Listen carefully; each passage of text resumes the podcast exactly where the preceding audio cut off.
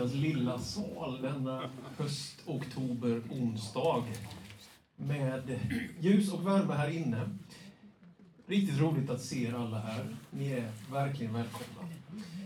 Ni befinner er i det vi kallar för lilla salen här i Pingstkyrkan. Och i söndags togs den i bruk igen efter att ha varit ja, ett halvår eller så under renovering. Så vi är lite sådär stolta och malliga och hoppas om du andas med näsan att det luktar i alla fall lite nytt här inne med nya möbler och ytskikt och lite teknik och sådär. Och då, när vi planerade det här så funderade man, ja, men det skulle vara roligt att göra lite extra ändå runt det och få ha lite samlingar. Och så hände det sig att eh, VLT på sina kultursidor började skriva om Jesus och tro och allt möjligt här. Och vi kommer återkomma till det. Och då tänkte jag att det skulle vara så trevligt och roligt att få luncha med men också bjuda in hit. Hem till mig och oss, till vår kyrka här, Pingstkyrkan. Och därför är vi här ikväll för ett samtal och samtidigt en poddinspelning med Erik Jarsenius, VLTs kulturredaktör. Varmt välkommen, han får en varm applåd. Tack så mycket. Tack. Vi sätter oss. Du är så välkommen hit. Tack så mycket. Och vi kommer att prata om ganska breda aspekter, tror jag, av religionsfrihet och sökande idag. Vi kommer nog till Augustinus, tror jag, och vi kommer in på lite alla möjliga stråk runt detta. Men vi börjar med dig, Erik Arsenius. Hur länge har du bott i Västerås? Det är nog nästan, ja det är två och ett halvt år nu. Håller du med om det här att det är en Sveriges näst fulaste stad? Nej, jag, jag har nog faktiskt aldrig, alltså det är klart det finns eh, den här dominansen i centrum av de här väldigt tunga köp, eh, varuhusen. Eh, men annars så tycker jag att Västerås är en vacker stad med Svartån och Mälaren nära och sådär. Absolut. Absolut. Nej, jag håller med dig. Det nej, vad är det för oförskämdheter att tala om för folk att de bor på ett fult ställe? Det tycker jag inte är så noga. Ja, vi ägnar inte kvällen åt det nu, men du är i alla fall kulturredaktör för Västmanlands Läns Tidning. Det är ju den stora lokaltidningen här. Vad, vad innebär det jobbet för dig? Vad gör du på dagarna? Ja, jag jobbar mest. Nej, jag, det är ju ganska mycket... Eh, alltså dels dels är jag ju redaktör för, för, för sidorna och för materialet på sajten och bestämmer hur det ska se ut och vad, vad det ska vara. Men sen producerar jag ju väldigt mycket själv också och försöker både eh, ja, bevaka och skildra kulturlivet här i Västerås och Västmanland men också ge lite vad ska man säga, input eh, utifrån och lite olika perspektiv och möjlighet till reflektion och sådär. Jag tror en av dina mest spridda, kanske den allra mest spridda artikeln, jag vet inte, men den hade rubriken ungefär så här. Jesus var en han. Eh, Han var en makalös man. Det stämmer. Ja, visst var det så? Och du skrev det, Ja. det var vid årsskiftet. Ja, precis. Ja, och bakgrunden, vad var den? Ja, det var ju den här eh, hen-debatten då. Eh, Svenska kyrkan här i Västerås använde, omnämnde Jesus med ett könsneutralt pronomen i en födelseannons till jul. Och om jag minns rätt så var det väl så att det var P4 som ja, noterade det där och så gjorde de en nyhetsgrej på det och sen så blev det en debatt eh, både i kristna och kyrkliga skrifter men också i kvällstidningar och sådär. Och eh, Susanne Center gick ut då, alltså domprosten gick ut och sa någonting i stil med att det är bara ultrakonservativa eh, som, och reaktionärer ungefär som inte, som inte håller med om att, om att det går att eh, benämna Jesus på ett könsneutralt vis. Eh, och så efterlyste hon liksom en högre nivå på debatten. Och jag som inte delar hennes uppfattning då, utan tycker ju att eh, bara en sån sak som att Jesus är en historisk person eh, av manskön. Beskriven i utombibliska källor också. Också. Mm. Eh, tyckte väl då att ja, men då, då gör jag ett inspel här med lite så, ska säga, religionshistorisk ingång men också eh, ja, lite, lite utifrån hur jag uppfattar Eh, Jesus Kristus då, så. Ja. Och den blev väldigt omtyckt. Det kan man nog lugnt säga, att den blev väldigt omtyckt. Ja, nåväl. Du, du har dem med dig. Man kan nästan tro du är så här, om du har hört om det här, pingstpredikanter. De, liksom, de predikar för att folk ska säga amen och sånt där. Ja, vi behöver inte fördjupa oss i det ännu. nu. Nu lite in emot kvällens ämne här då. Tron, det uppkopplade media, samhälle. Men vi kommer dit, men vi backar, backar, backar lite grann. Den svenska historien med ett enhetssamhälle i betydelsen en kung, ett folk, ett land, en religion är ju väldigt mycket historia idag. Och det har gått genom olika strömningar, man kallar det för upplysning och modernitet och vi blir präglade av mer rationella värderingar, individuella värderingar, politiska system och allt detta. I, I den här vandringen fram till det som är idag så kommer vi från någonting som är någon slags kristen enhetskultur till religiös pluralism.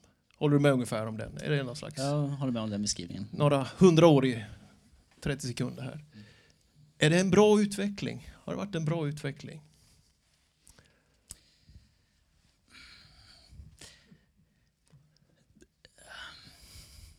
Tve, du- du får- säg vad det, du tycker. Ja, alltså det... det, det Du behöver inte hålla med ja, mig. Nej, precis. Nej. Det, är, det är lite...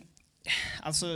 ehm, det låter ju lite eh, reaktionärt kanske att säga så, men eh, det finns ju de som påstår då att eh, Europa mådde, all, mådde som allra bäst eh, när Dante skrev den gudomliga komedin.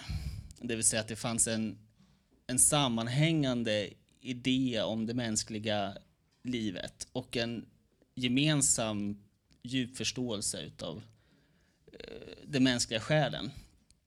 Och det är klart att eh, mång, mång, alltså mångfalden, individualism, individualismen och sådär har ju också har ju också splittrat.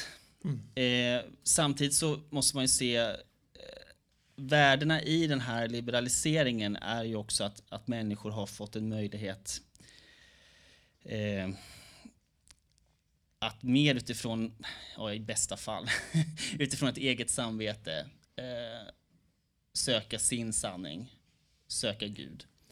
Men eh, jag, jag, eh, jag, jag kan inte säga att det liksom odelat har varit en positiv utveckling, kulturellt sett. Nej.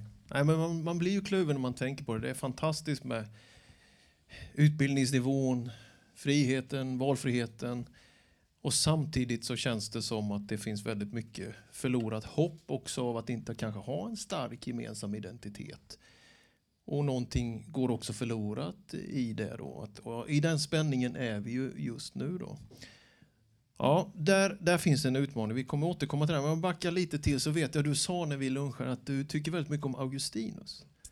Hur kommer det sig? Nu är vi på 300-400-talet efter ja. Kristus här.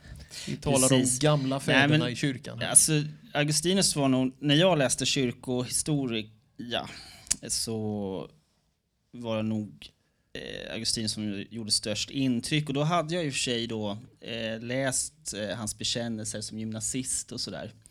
Eh, och eh, det är egentligen, jag tycker bara att eh, när jag möter själv olika frågor i livet så eh, är det liksom olika delar utav Augustinus tänkande och teologi som, som jag knyter an till. Och sådär. Vad är det särskilt? Finns det något citat eller något? Ja, nej du- men det är egentligen, alltså, eh, en sån väldigt grundläggande grej, det är ju att eh, Platon, eh, han är liksom, tycker jag, en av de stora eh, djuppsykologerna i mänsklighetens historia.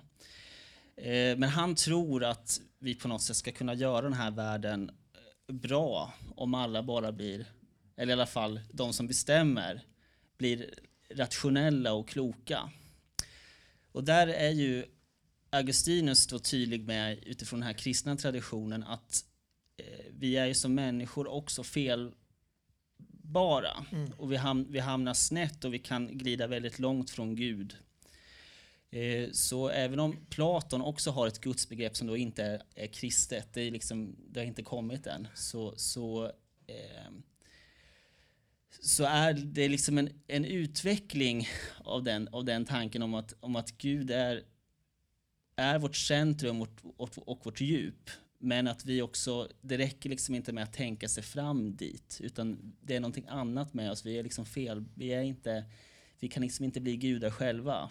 Vi kan inte bli full, Människan är något mer än vad hon tänker och känner. Ja, precis. Det är väl Augustinus som säger min själ, själen är orolig till den finner sin, sin ro hos dig. Mm. Ja, men I det så han skriver den här, du har varit inne på det, Bekännelser, ett av hans mest kända verk. Och eh, han skriver ju också Guds stad. Det var det jag tänkte på just in mot samhällssamtalet. Mm. Han har någon vision kan man ju säga om ett, en, en, en gudomlig stat och en världslig stat. Mm. Något före syndafallet och något mm. efter syndafallet som kan vara både bra och dåligt och som man då bara får förhålla sig till. Mm. Beroende på hur kungar och regenter beter sig. Hela den, hela den bilden han har är ju också den att människan är förutbestämd. Det är rätt så jobbig tanke i en sån här kyrka. Vi, mm. vi vill inte riktigt tro på det att det är liksom ödet som gäller utan man har sitt beslut och sitt val. Men vad tänker du om det? Hur pass mycket var Augustinus liksom? Hur mycket kunde man då förändra och förvandla ett samhälle? Eller var det var det vad det var? Man fick bara konstatera. Ja, alltså jag tror nog att den där lite mer, som jag kanske var inne på här tidigare med Platon, den här lite mer eh pessimistiska synen präglar nog min människosyn också faktiskt. Jag är lite mer eh, skeptisk till människans förmåga att, att, att reformera och omvandla och mm. eh, göra saker Vad bra. krävs då, då? Om människan inte förmår själv? Alltså, jag tror, det, det, är väl, det är väl just det här att, och det är ju kanske en allt svårare fråga.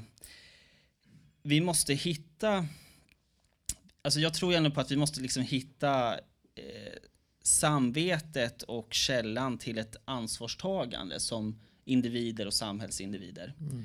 Och att det absolut går att göra, eh, att det går att göra gott. Eh, men eh, en viss skepsis till vad vi kan åstadkomma eh, i den här liksom, materiella eh, tillvaron.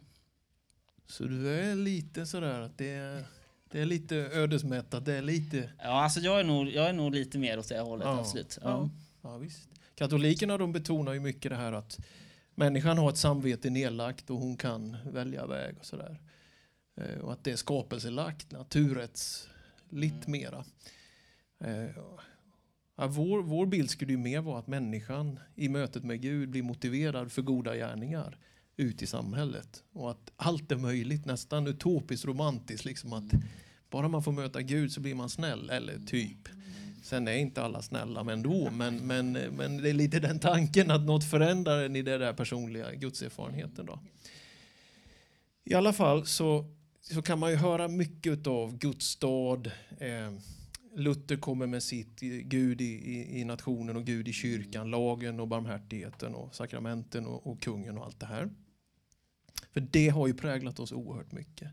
Vi lever ju med någon slags postkristen berättelse i, i, i Sverige. Då. Och då, då kommer jag fram till det här att vi som frikyrkor, vi beskrivs ju ibland när historia tecknas av de som tror på ett enhetssamhälle som en del i sekulariseringen.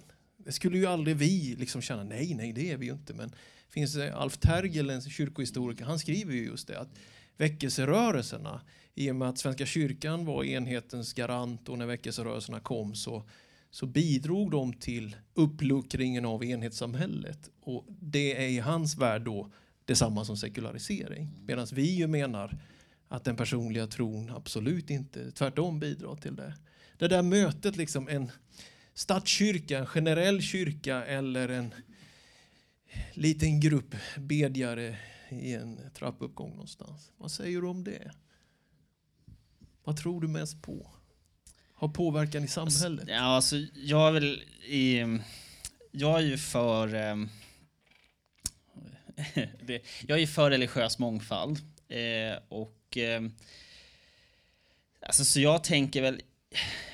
På det viset så är ju den liberaliseringen, eller vad man ska kalla det, sekulariseringen vet jag inte riktigt om jag håller med om, men, men eh, ett positivt utslag. Eh,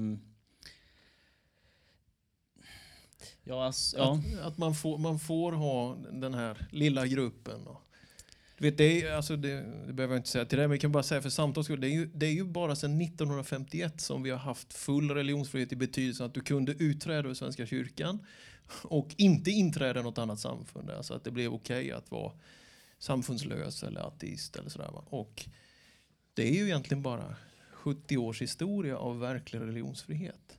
Så jag, jag, jag, tror att vi känner oss lite kluvna, både du och jag nämligen, fast kanske från olika ingångar. Man, mm. man älskar friheten och det är ens livsluft. Och samtidigt så, hela samhället behöver en, en större berättelse för att hålla ihop. Och då finns det populistiska krafter som säger att det är en flagga eller att det är en etnicitet. Och, som kapar poäng på det här. Mm. Medan Augustinus då såg en Guds stad. Och. Ja, alltså, det finns ju som hänger ihop med friheten är ju en, en eh, förvirring och vilsenhet också. Tror jag. Eh, vi har ju också gått eh, mot ett samhälle som är allt mer materialistiskt och alltså konsumtionsinriktat.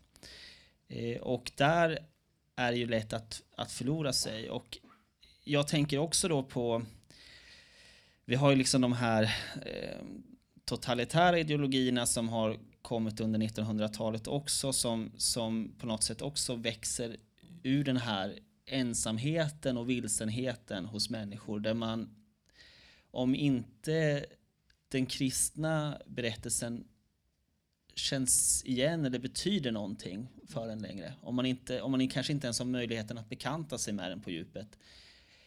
Då finns det andra berättelser Eh, kanske rent av avgudar eh, som eh, mobiliserar.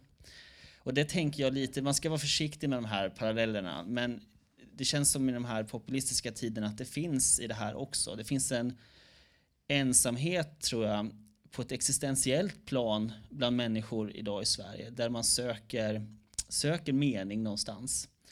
Och där Jimmy Åkesson exempelvis kommer och berättar att ja, men jag, har en, jag har en berättelse om, hur, om det här Sverige som ni har någon sorts nostalgiskt minne av eller föreställning av. Och vi kan eh, återupprätta det här. Eh, och då tror jag också att människor liksom inte, det kanske inte alltid är nödvändigtvis att andra inte får vara med som är poängen, även om det är liksom Jim Åkessons vision, att kunna skapa den här gränsen runt ett samhälle. Så finns det människor som söker gemenskap i det här. Eh, där det inte finns några andra starka berättelser. Som de känner sig hem, eller som de kanske ens känner att de får vara en del utav. Det är inte alla som känner att de är vinnare i den här livsstilsliberalismen eller att, mm. att det här samhället har gynnat, gynnat dem. Du, du är ju ändå redaktör på en liberal tidning. Och liberalismen är ju en ideologi som ju värnar individens frihet. Finns det en risk att liberalismen går så långt så att man blir girig, ensam, eh, kall, cynisk, beräknad? Är det någon slags neoliberalism som är... Där mark kan marknadskrafterna gå för långt enligt dig? Ja, dels det. Sen tror jag också att det finns en fara i, i det här som man kallar för statsindividualism också. Så att det svenska samhället har ju också byggts upp av det moderna svenska samhället av folkrörelserna. Där individer har sökt sig till gemenskaper för att skapa eh, sociala värden tillsammans. Och där projektet inte bara har varit att liksom förverkliga sig själv utifrån någon, liksom, och dit verkar man ju aldrig nå utan liksom man är hela tiden otillfredsställd. Utan där, där man som individ kanske också har förverkligats eller har, har liksom känt sig värdefull därför att man tar ansvar för andras liv och det gemensamma. Eh, och det tycker jag inte är egentligen, i alla fall inte i en svensk sammanhang, eh, någonting som är eh, oförenligt med liberalismen. Den, jag menar, det hänger ihop med folkrörelserna också och det här tanken om att eh, förädla och, och lyfta människor. Liksom. Mm. Men behöver då inte, för att inte komma över den här tipping point, liberalismen och socialismen och konservatismen, de gamla tre stora politiska ideologierna, de behöver väl, tänker jag ur ett kristet perspektiv, behöver inte de någon slags undervegetation för att inte slå knut på sig själva? Alltså, ja, jag, jag tänker så, det är ju lite Augustinus igen på något sätt. Att vi behöver alltså vara förankrade i Gud egentligen. Mm. Eh, och det är ett problem då i ett sekulärt sammanhang att, att prata om det här. Därför att eh, det kan ju då uppfattas som att det är liksom en totalitär idé, eller att man liksom har en idé om att alla ska stöpas i samma form. Eller att, men jag, jag menar där liksom ett, ett sorts andligt djup som ger människor resurser att ta ansvar. Att känna att min existens, betydelsen av min existens måste jag ta ansvar för. Mm. Inte bara liksom glida runt och, ja ni vet. Ja. Att leva för en större sak är djupt tillfredsställande. Valfriheten är inte, utan det, det, finns något annat i frihet än att få sin vilja fram, eller hur ska man säga? Ja, precis. Och att fri, alltså någonstans kanske friheten också har sin, sin, den har sin källa i det också. Att om du inte har den där andliga förankringen, hur fri är du? Är det, är det liksom andra saker som, som, som styr då? Eller har mm. du tillgång till ditt samvete? Alltså nu känns det som att journalisten frågar pastorn något som pastorn borde fråga journalisten. Här. Men, men det är ju, och det är ju, nej, men det är ju det är fascinerande. Och jag, jag tänker liksom 50-60-talsdebatterna i Sverige där DN och andra liberala tidningar säger Gud är död. typ. Och vi har Myrdals med kris i befolkningsfrågan. En annan vision på något sätt i det moderna Sverige om att, att där tro och tillbedjan och församlingstillhörighet och alla de bitarna, det, det har ju varit på skräphögen nästan. Ser vi slutet på den sekulariseringen? Har folk tröttnat på weekendresor och eh, charterresor och ännu en bil eller något? Eller, eller är vi fortfarande kommersiella teokrater som han ju sa, Johan Akelius i somras på någon sån här spaning, framtidsspaning?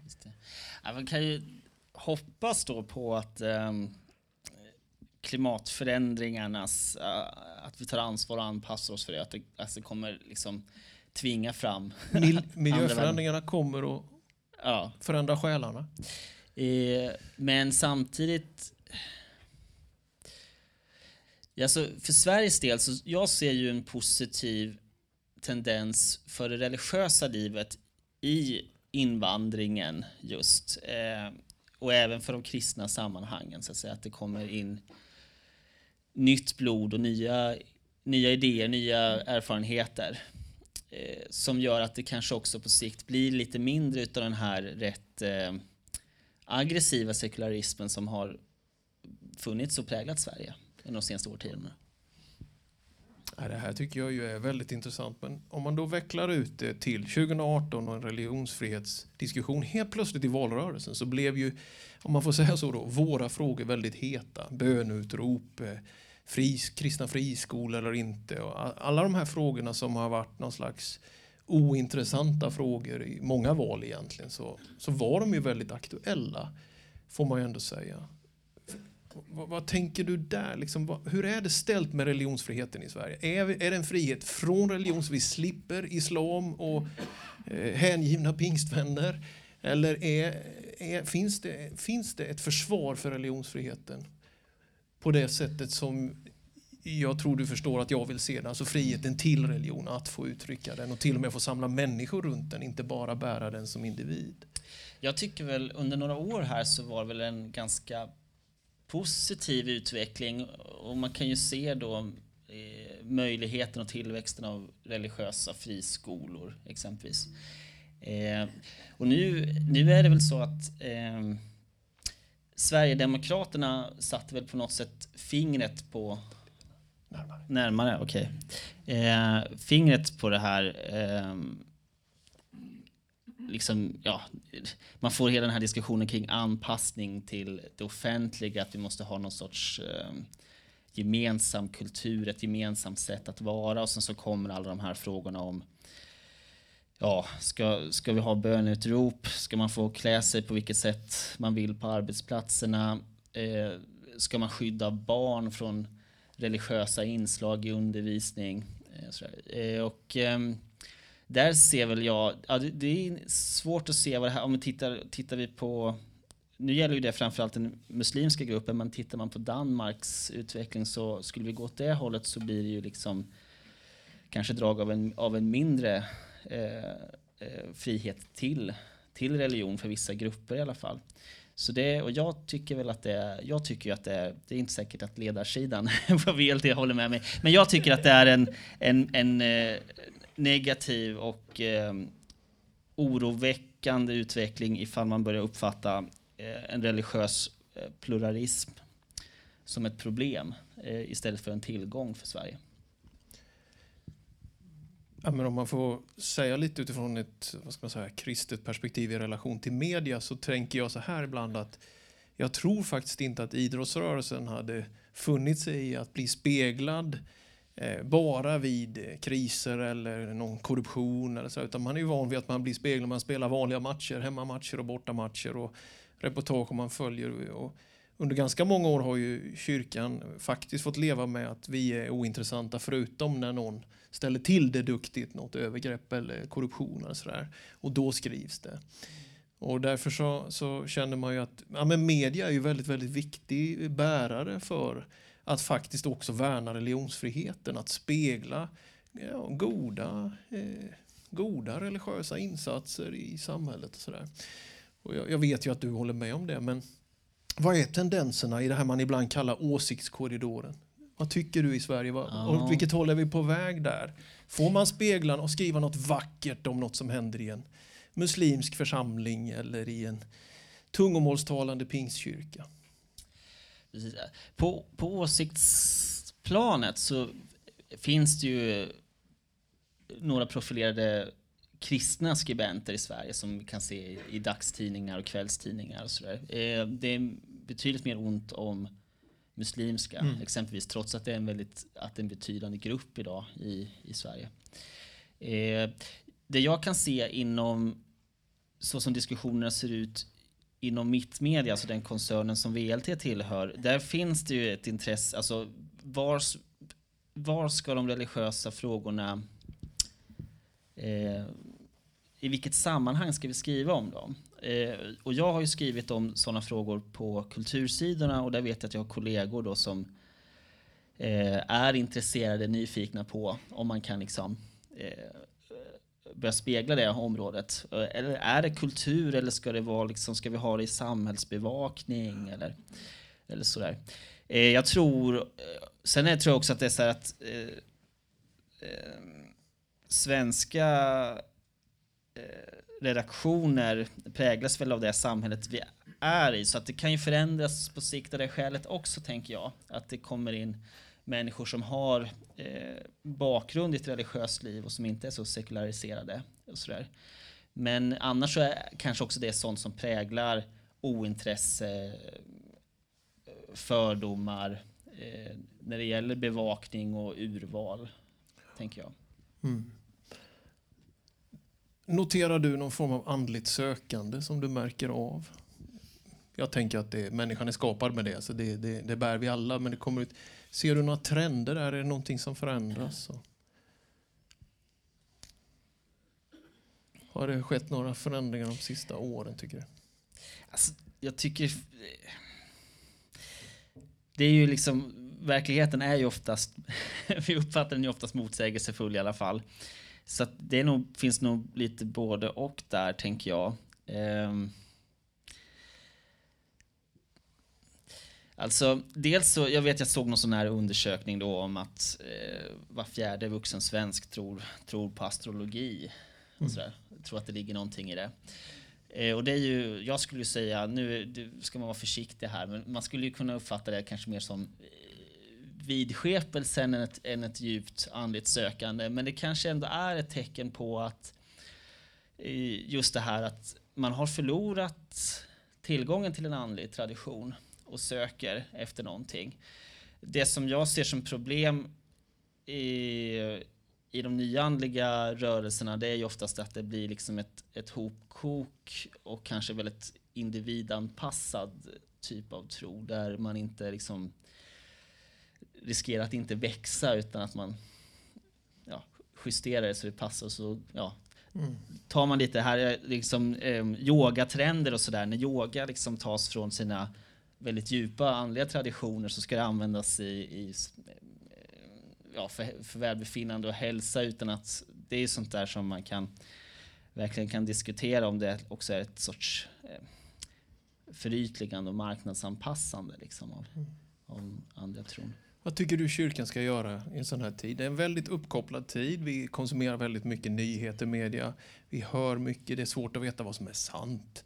Det finns eh, oerhört mycket liksom som, som hela tiden bara sköljer fram och tillbaka och någonstans där finns den kristna rösten och gemenskapen. Vad, vad, vad tycker du? Om du får liksom säga, men det här, gör så här, tänk, ni måste tänka så här.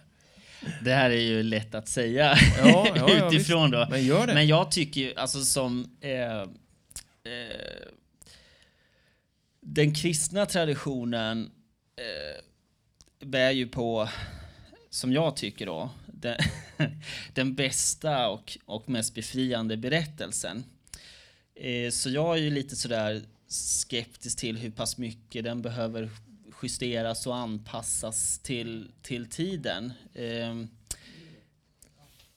och, eh, och det är väl lite, ja, alltså jag, nu ska man vara försiktig, det blir lite, lite konstiga paralleller här. Vi vill väldigt gärna att du inte är försiktig. Här. Ja, ja. ja. Nej, men, men så här då.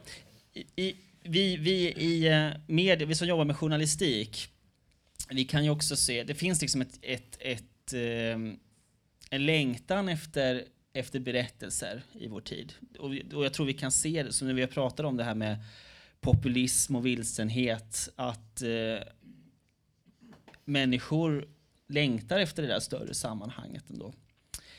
Och för oss som jobbar med journalistik så kan vi också se, vi kämpar ju också med den här liksom förflackning, marknadsanpassning. Eh, och där jag tror att på samma sätt att vår framtid kommer vara det att söka det autentiska, djupa och äkta i en tid där det finns väldigt mycket annan information. Så jag tänker mig att eh, eh, de kristna kyrkorna har sin framtid i att hålla fast och förvalta det. Eh, in, inte slarva bort det i för mycket samtidsanalyser. Och sådär. Så vi blir typ inne om vi är ute, eller hur ska man säga? Ja, så jag tror att man kommer, kommer vara som man utmärker sig på, på sikt. Och i den här världen som eh, är liksom väldigt, eh, vad ska man säga, rörlig och föränderlig. Mm. Att, att liksom, ja, ska, det, här, det blir så hemskt att göra de här marknadsjämförelserna. Men liksom, någon, någon, att, liksom, att nischa sig där på att hålla sin linje. Liksom. Mm. Stå för det, det är det som kommer att bli det skapar någon slags, det autentiska säger du skapar en attraktion. Men det där är ju också intressant. Man tänker idé och ideologi, teologi, övertygelse, predikan, proklamation i ett hörn.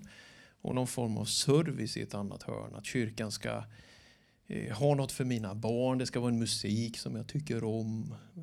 Vi har väl blivit ganska mycket kunder vi kristna i västerlandet också, kan jag tycka, när man rest i en del andra länder och kulturer och sammanhang. Så jag hör ju dig säga att syssla med ideologin, syssla med det, det grundläggande. Ska det rent av vara tråkigt i kyrkan? Alltså ska man skapa det här riktigt, du måste på något sätt... Ingen hinner fram till den eviga ron som sig i eldigt framtränger. Du må, en gammal psalm, du måste liksom... Ja, alltså... Ja, kanske. Eh, det är ju liksom... Det kan, det kan ju vara fel på mig också. Att jag, liksom inte, att jag har liksom svårt att se perspektiv på vad som är tråkigt, tråkigt och roligt. Alltså, eh, men alltså jag tänker, en, en, extremt sekulär person som jag intervjuade här nyligen och som är en eh, radikal ateist också. Det, det, är den svenska filosofen Torbjörn Tännsjö som Västeråsbördig. Och han, han är väldigt bekymrad nu över hur framförallt unga människor i Sverige mår. och eh, han sa ju det då att hans, han är ju 40-talist då. Att det här, och då är vi återigen tillbaka till det, att söka någonting, att söka att hitta lyckan, inte för att man är på jakt efter lyckan, utan för att man eh, bestämmer sig för att, för att kämpa för någonting större. Mm. Och då blir man större, glad ja. som frukt. Liksom. Ja. ja. Eh, och, så han, och han, KG Hammar har ju påpekat för Torbjörn Tännsjö att han nog egentligen är kristen, bara att han inte vet om det. Okej. Okay. Men, men to, Torbjörn Tännsjö är ju en speciell person. Han är ju preferensutilitarist, tror jag det heter med fint ord. Att han har ju en ganska tuff människosyn, tycker jag. Att man på något sätt ska förtjäna och vara så stark så att man eh, lever upp till det gruppen anser gör att du är livsduglig, så att säga. Ja. Om, vi, om man tänker, nu, nu är jag inne på typ mm. abortfrågor, ja. den typen. Alltså, han är ju ganska, uppfattar jag, eh, inte så kristet präglad i det läget, eller? Nej, samtidigt så tror jag, det, det KG Hammar var inne på där, det var väl just det att Torbjörn Tännsjö också tänker sig att det finns en, en eh, moralisk realism. Det finns någonting som är rätt och fel som inte är någonting som man tycker subjektivt som människa. Utan att det finns en ordning som är större. Även om han, han har en annan eh, mm. uppfattning. Och, han eh, kanske håller på att bli religiös på gamla Ja, han, har ju, han, har ju, han nämner det i sina memoarer, ja. att det kanske blir så. Och just, just, just, just eh, med det här ehm, eh, jag intervjuade honom om det också, det här med down syndrom nu som är aktuellt. Då. Mm. Alltså det föds allt färre barn med down syndrom därför att man aborterar Därför man får, man får mm. information om det. Men han är ju också inne på då att det här är, det är, inte, det är långt ifrån moraliskt oproblematiskt. Och i hans perspektiv så är det just det här att eh, en människa som har down syndrom eh, kan ju leva ett betydligt lyckligare liv eh, än en människa som, som är fullt frisk när de kommer från Måns. Och eh, så, så han är ändå ödmjuk ja, i, liksom, ja, i det. Absolut, absolut. Du känner honom bättre än vad jag gör. Men eh, jag tror att eh, i typ kristen press och media så har det varit en del debatter där han ändå har framstått lite på ett, på, på ett annat sätt så att säga och profilerat ja, sig. Jag tror, och jag tror, och han är, han, har ju, han, är ju, han är ju upprörd över det här med hets mot folkgrupp eh, lagstiftningen bland annat därför att, man, att han inte får säga hur som helst om, ja. om religiösa personer. Men eh, Eh, jag vet ju att han, han och Alf Svensson har ju blivit goda vänner med åren och sådär så att eh, det, det funkar nog. Det funkar ju. Ja. ja, det är bra. Men du, om man då är en person som är en slags produkt utav enhetssamhällets upplösning, ingen statskyrka längre sedan millennieskiftet, e, egentligen väldigt lite kanske vanor, traditioner, om du frågar varför firar vi påsk, varför firar vi jul? pingst så, så är det inte så säkert att man kan sätta ord på det och förklara det. Och, sådär. och ändå tror jag då och vi att man, att man är skapad till avbild, man har ett, ett existentiella behov och andlig längtan och allt det Hur ser då den tron ut som är kyrklös, som är jag ska inte säga värderingslös, men i alla fall kristet värderingslös i, i ganska hög utsträckning. Vad, vad, vad, blir, vad blir den här postsekulära tron? Liksom? Vad blir det då? Du, du verkar, jag, jag, vill ju, jag vill ju liv och karismatik och hänförelse och kärlek. Och mm. Älska och göra vad du vill, sa ju Augustinus också. Det är lite mer kanske. Men du verkar vara mer konservativ och tänker att man ska kämpa sig fram. Men tänker du att du och jag, vi, vi tycker om att läsa de här. Men om man inte alls har det, liksom, det kanske är idrott, det är jobbet, det är gymmet. Det är, men när kvällen kommer så funderar man och ber, och, eller ber, men vad, vad blir det då i alltså- framtiden? Hur ser tron ut? Ja. Det är ju alltså ett tänkbart och som jag tycker skrämmande alternativ det är ju att det kommer bli ett eh, ännu större hopkok av saker och ting just på grund av att man, har, man saknar kunskaper om sin tradition och sådär. Det är ju också en förlust av enhetssamhället på det sättet. Jag vet inte riktigt vad svenska skolor sysslar med nu för tiden heller därför att eh, fortfarande när jag, i alla fall där jag gick i skolan, när jag, så, så, så lärde man ju sig allt det här alltså om man inte hade med, hade med sig hemifrån så lärde man ju sig på lågstadiet. Liksom. Eh, och då kan man åtminstone, man kan ju åtminstone förstå liksom var våra institutioner kommer ifrån, varför vårt samhälle ser ut som det gör om man har en förankring och kan förstå sin kristna historia, även om man själv inte är kristen eller eh, övertygad kristen i alla fall. Så, och, så där, jag ser väl, och det tycker väl jag är ett allmänt, och jag vet inte liksom hur man ska eh, komma tillbaka till det, men det är klart att det finns ett, en sorts bildningsupplösning, eh, mm. bildningsförfall i, eh, i Sverige här. Och oftast blir ju svaret då från kanske vad ska, jag, alltså, vad ska man säga, kulturradikala håll eller sådär att nej men det finns liksom ingen gemensam berättelse utan all, eh, alla erfarenheter är lika värdefulla, si och så mm. liksom. Och eh, där, där tror jag att man både från eh, eh, eh, ja, politiskt håll men liksom skolan också har ett ansvar att ge människor eh, liksom en, en, en, en, ehm, en bildning som gör att de kan, ja, de kan välja att bestämma precis hur de vill, hur de ska förhålla sig till det sen. Liksom, men där de åtminstone har med sig det. Det tror jag att eh, den här rotlösheten eh, är också väldigt lätt att manipulera politiskt och riskerar att hamna i rent onda sammanhang. Liksom. Har vi gått ifrån rätten till, alltså den här vunna friheten till att yttra vad jag tycker, vad jag har för åsikt och hur jag tror, till att rätten att på något sätt definiera min egen sanning. Är det det som har skett? Alltså från åsiktsfrihet, vilket vi värnar, yttrandefrihet, till att jag själv säger det här är sant för mig, om det är sant för dig. Eller, alltså att sanningen har blivit en åsikt, en tendens mer än bara ett, ett fundament, en auktoritet. Är det det som har skett? Ja, så är det tror jag. Jag var med i ett, eh, ett seminarium här på eh, Västerås sjukhus för ett par veckor sedan med Åsa Wickfors då, som är eh, filosof och som har skrivit mycket om det här med kunskap. Eh, och hon säger att ett stort problem som har fått pågå länge det är ju att svenska pedagoger har fått för sig att, det, att sånt som sanning och kunskap inte finns.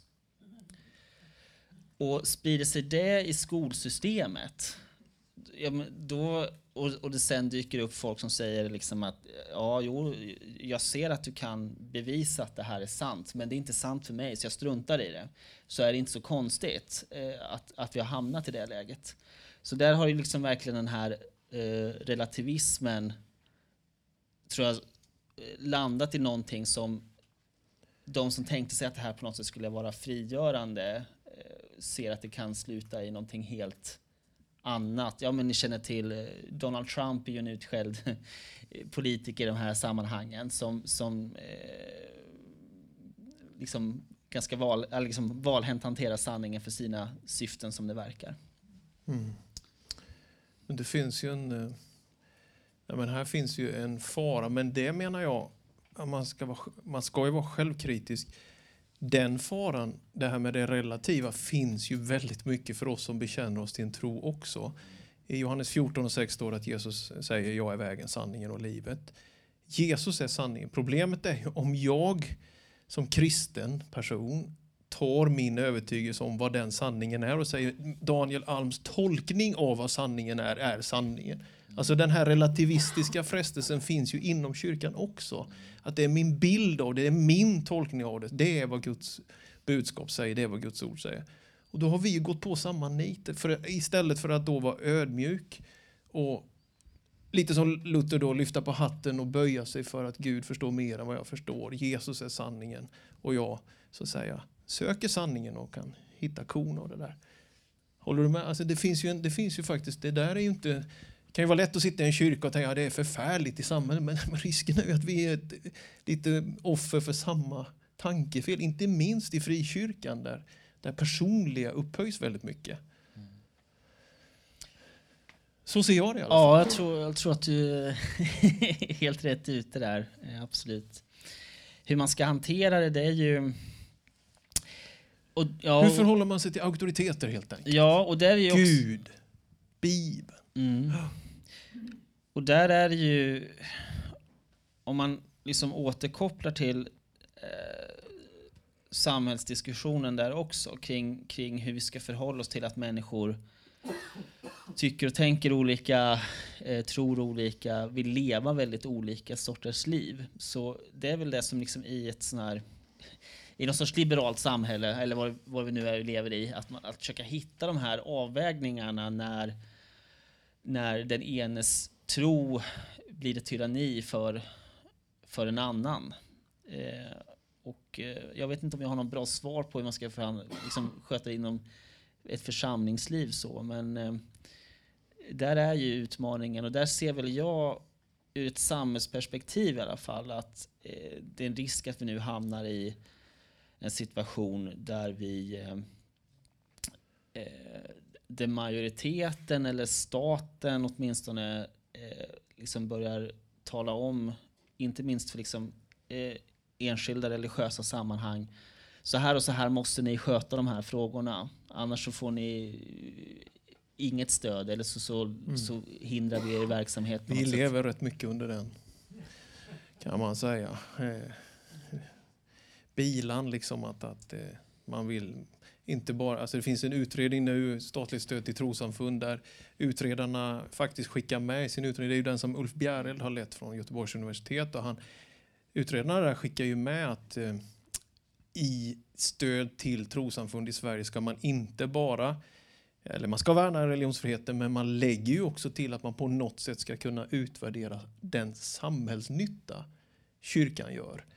Men det kan ju låta enkelt och bra att ange, ja det är självklart, men egentligen är ju det livsfarligt därför att då ska ju staten avgöra om är vi nyttiga eller inte för samhället. Det är ju oerhört nyckfullt. Jag tror, tror det är samma sak man ser inom kulturlivet, ja, även om inte alla vill ta den här diskussionen. Men eh, just det här att, att man ska bli någon sorts nyttoaspekt. Och jag tror nu också när vi lever i en tid där många upplever att eh, de här demokratiska institutionerna är hotade av populism och sådär, då vill man gärna Jaha, okej, okay, vi kan inte försvara det på vanligt sätt. Vi kan inte försvara det med debatt eller liksom folkbildning eller vad det kan vara, utan då måste vi hitta olika sätt att bygga, sätta gränser, hindra, eh, bromsa, får alla komma till tals, får man säga vad man vill.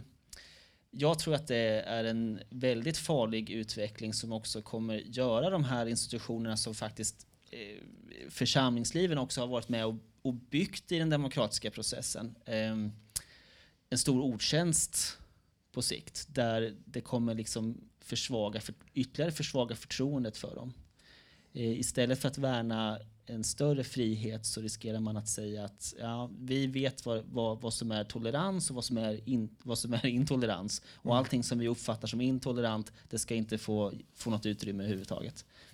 Nej. Och, och, och, i en demokratisk situation där den, den typen av värderingar faktiskt är väldigt kortlivade och kyrkan ändå har funnits i 2000 år och på något sätt ändå stått, stått pall. Va?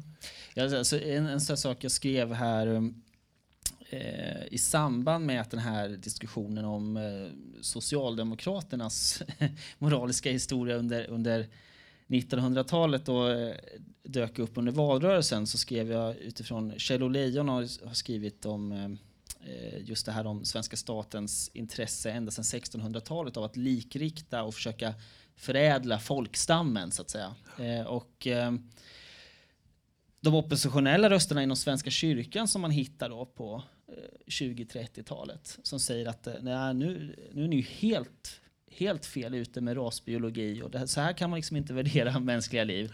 De skulle ju alla säga idag eh, Ja, det var ju helt riktigt. De här visste ju, de stod upp för mänskliga rättigheter på något sätt. De stod upp för människovärde. Eh, men då, om man lyssnade på makarna Myrdal eller alla andra som var tongivande, ja, så, så var de här människorna hopplöst reaktionära. Ja, och det är där jag tror också, det är därför vi ska vara ödmjuka när det gäller de här samtidsdiskussionerna, att eh, ge ett utrymme för så många åsikter som möjligt, även sådana som uppfattas som ålderdomliga och gammeldags. Därför att om 20-30 år så kommer man kunna titta tillbaka och säga att ja, de hade ju verkligen en poäng här. De var rätt ute, men samtiden hade spunnit iväg åt helt tokigt håll. Precis vi älskar ju demokratin och ändå måste man leva med den insikten att demokratin är inte 100 procent. Ibland kan majoriteten ha fel.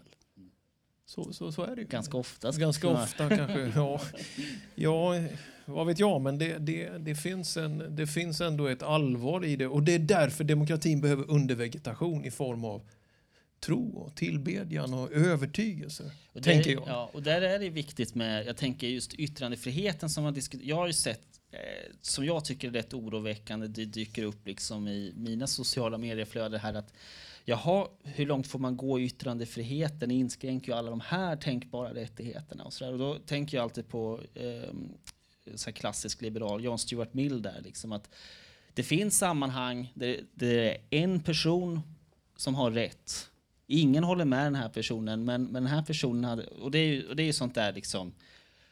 Jorden kretsar kring solen eller vad det nu kan vara. Någon, någon säger ifrån.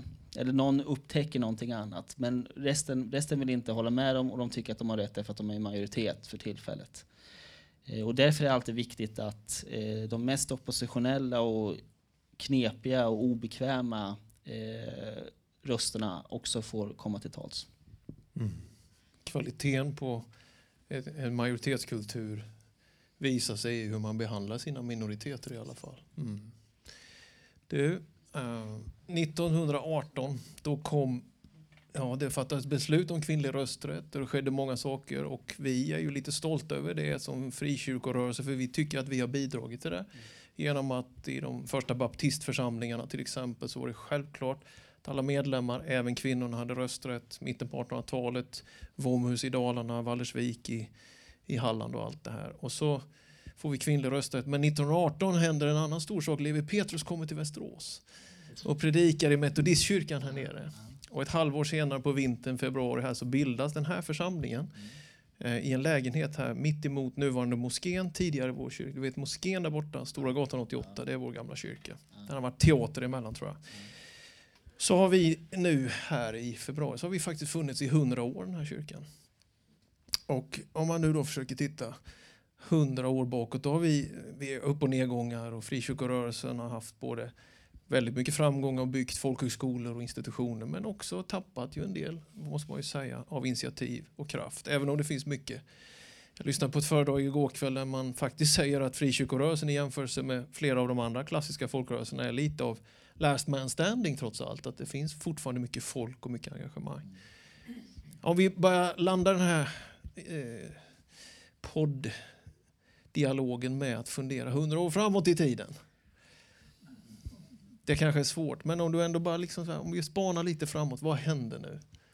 Vad händer? Fem, tio år? Vad är, vad är vi på väg emot? Kommer vi bo på månen? Kommer vi Kommer vi äta ett piller en gång vart hundrade år och så lever vi? Alltså vad blir artificiell intelligens? Alla de här grejerna. Vad händer med oss? Det borde ju du veta. Ja. um, det, det är svårt.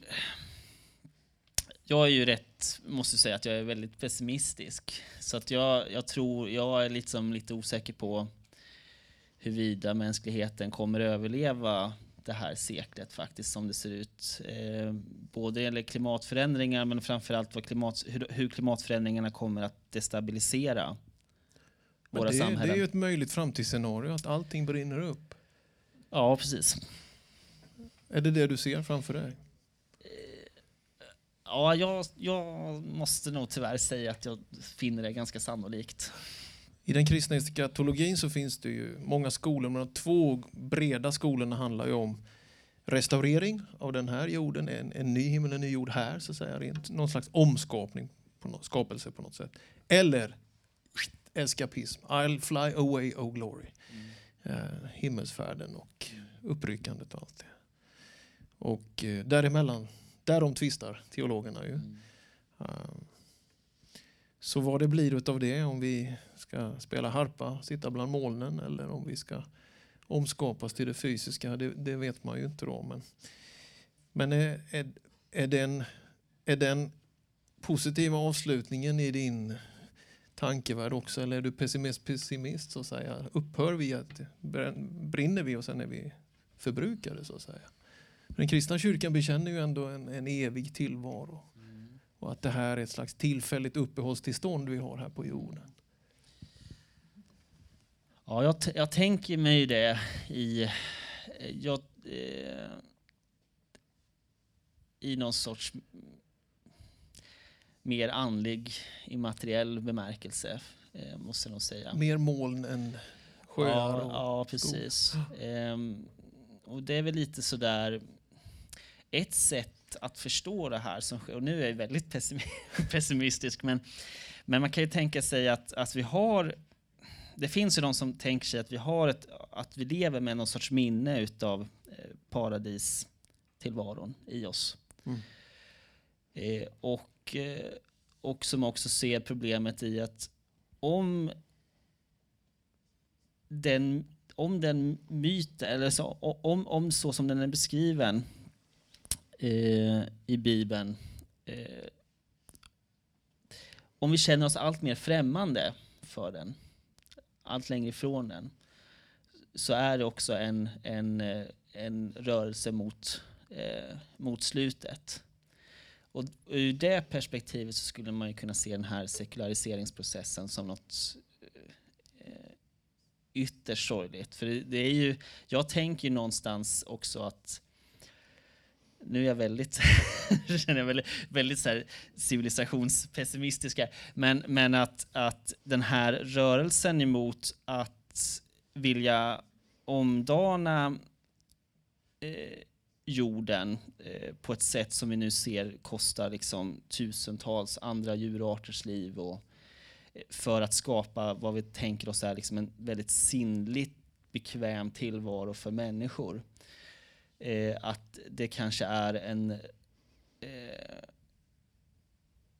en horisontell rör, rörelse i fel riktning där vi borde söka eh, höjden och djupet i tillvaron istället. Mm. Men eh, om du någonstans också återvänder till din eh, Augustinus eh, koppling där så ligger det ju även i eh, Guds planering att eh, det är ändå han som har kontroll och att ytterst sett så finns det ett ryggstöd för mänskligheten att på något hur, på vilket sätt den sker så du vet den, det är en slags gospelton eller vad man ska kalla det inom pingst där vi Luthersk teologi betonar väldigt mycket vad man blev frälst ifrån. Mm. Det är ganska juridiskt, det saliga bytet och allt detta. Medan vår förkunnelse betonar desto mer, inte för att det är oviktigt, men desto mer livet, trädgården och vad jag blev frälst till. Och att andens gåva på pingstdagen motiverar framtiden. Att han hjälper mig bort ifrån mitt bedrövliga egoliv och fyller mig med helig ande och att det definierar också en framtidsvision och att den i grunden är väldigt positiv. Så jag känner ju själv att jag är väldigt optimistisk om framtiden. Kanske inte då att jag är helt övertygad om det blir den här restaureringen eller eskapismen. Det, det, det, det ligger i Guds hand tycker jag. Det finns ett judiskt talesätt, ägna det inte allt för mycket åt begynnelsen och änden. Det blir väldigt lätt spekulation. Men jag tycker att det finns grund för en ganska positiv och optimistisk framtidssyn genom allt. Men det är klart det kräver ett gudsingripande, så får man väl konstatera. Vi fixar inte det själva. Tack Erik Jersenius för ett, som åtminstone jag tycker, intressant samtal. Väldigt så mycket. roligt att du kom Ja, hit. tack, tack. Allt gott till dig. Tack.